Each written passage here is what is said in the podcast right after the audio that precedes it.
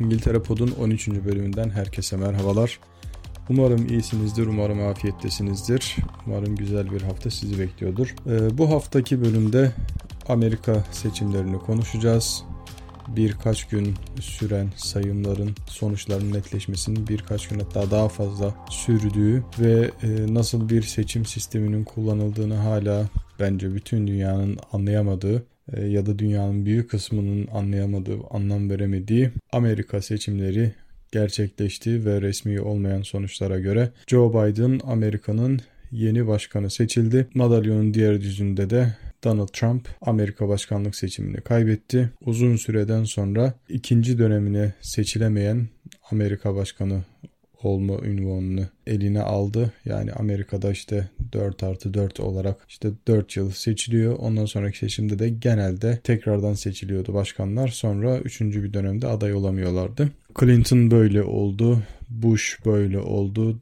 Obama böyle oldu ta ki Trump'a gelene kadar Trump'ta zincirin halkası bozuldu. Sonra Amerika seçimlerini kaybeden Trump seçim sonuçlarına itiraz etti falan filan derken bugün artık Trump da ikna edildi ve görevi herhalde sorun çıkarmadan Ocak ayında Joe Biden'a teslim edecektir. Öyle görünüyor. Şimdi bu Amerika seçimlerinin bütün dünyaya yansımaları oldu. Tabii ki İngiltere'ye de yansımaları oldu. Ona birazdan değineceğiz. Ama özellikle Orta Doğu'da e, meşhur tabirle kartlar yeniden karılacak herhalde. Çünkü e, karşılıklı olarak Birleşik Arap Emirlikleri ve Suudi Arabistan'ın genç veliahtları Trump'a, İsrail'e, karşılıklı olarak birbirlerine yatırım yapıyorlardı. Bu arkadaşlar herhalde biraz şapkayı önlerine alıp düşünmeye, tekrardan düşünmeye başlayacaklardır.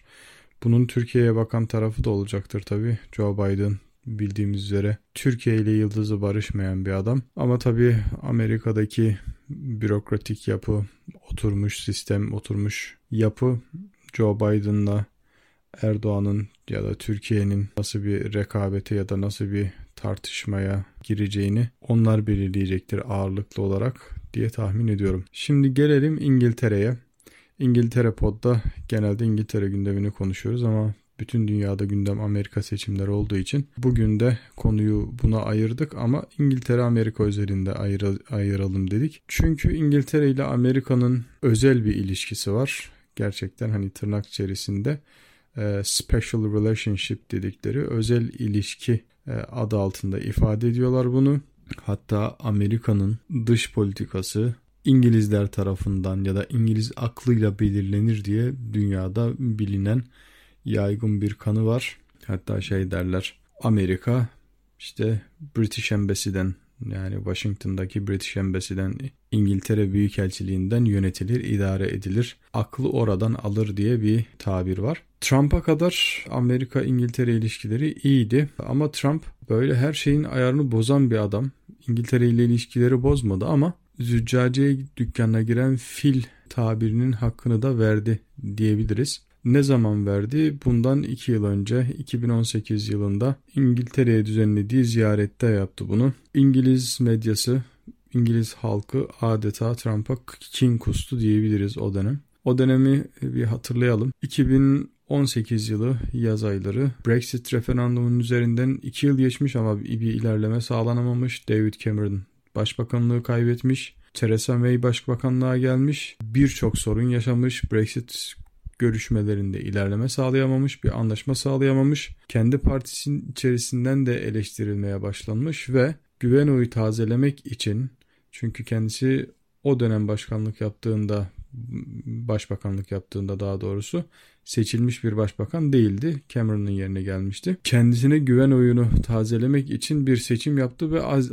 az daha e, iktidarı elinden kaybediyordu daha da güçsüzleşti. Kendi kabinesinde o dönem Dışişleri Bakanlığı yapan Boris Johnson'un da başbakanlık heveslerinin olduğu bütün dünyaca İngiltere kamuoyunca bilinen bir şeydi. Böyle bir de bir durumu vardı. Yani hani çok güçlü bir profil çizmeyen bir Theresa May vardı. Trump bu Theresa May'i ziyaret etti. Bu ziyaret sırasında Theresa May'in gözünün içine bakarak Brexit politikalarını eleştirdi ve Theresa May'in o koltukta oturmaması gerektiğini o ziyaret içerisinde söyledi. Boris Johnson'un o koltuğa daha çok yakışacağını söyledi. Hani siyasi nezaketin son derece sınırlarının dışına çıktı. Bu Theresa May her ne kadar eleştirilse de İngiltere siyasetçilerinin, İngiltere kamuoyunun hiç hoşuna gitmeyen bir durumdu. Onun ardından korkulacak, korkulan şeyi yaptı ve e, kraliçeye kraliyet tahammüllerinin de dışında olabilecek şekilde nezaketsiz davrandı.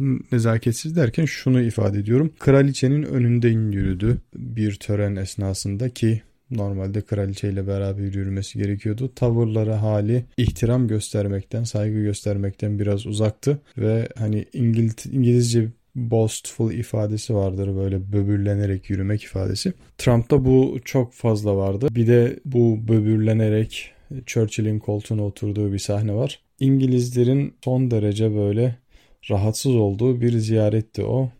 Hatta işte İngiltere'de Trump işte şovenist bir domuz olarak böbürlenen, kibirli, saygısız bir adam olarak ifade edildi ve o dönem çok ağır eleştirilmişti. Sonra İngiltere'de ne oldu? Boris Johnson başbakan seçildi. Theresa May başbakanlığı kaybetti. Sonra Theresa May'in yapmaya çalışıp başaramadığı şeyi yaptı. Erken seçim yaptı ve kendisine güven oyunu tazeleyerek tekrardan başbakanlığı aldı ve kabinesini yönetiyor. Ama gele gele koronavirüs salgınına denk geldi. Onun da en büyük handikaplarından biri koronavirüs ve tabii bir türlü çözülemeyen Brexit açmazı. Şimdi Brexit'te Boris Johnson Theresa May'den farklı ne yaptık ne yaptı diye sorsak çok farklı bir şey yapmadı ama işte e, bir şekilde popüler, popülizmle işi idare ediyordu, götürüyordu. Ta ki koronavirüs gelip bütün ortalığı kasıp kavurana, piyasayı alt üst edene kadar. Bu durumda Boris Johnson da ağır eleştirilerin hedefi haline gelmeye başladı.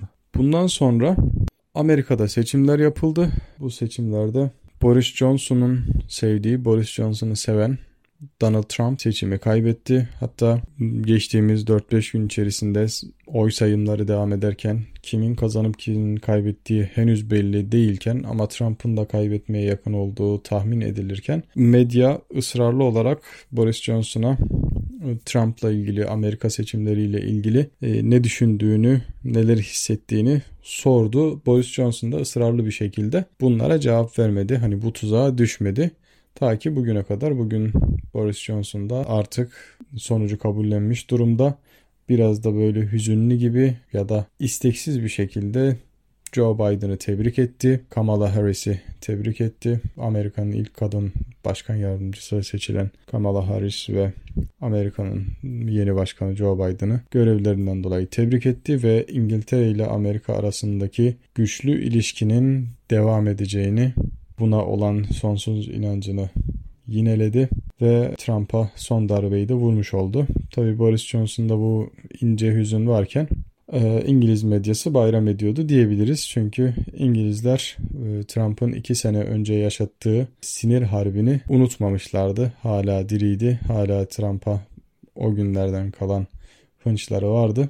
Bunu da henüz daha Joe Biden'ın başkanlık seçimini kazandığı netleşmemişken Biden'a gösterdikleri açık de, e, destekle ifade etmiş oldular ve İngiltere Amerika arasında Joe Biden'ın seçilmesiyle birlikte yeni bir sayfanın açılacağı aşikar. Bundan sonra ilişkiler nasıl olur, nasıl yürür bilemiyorum.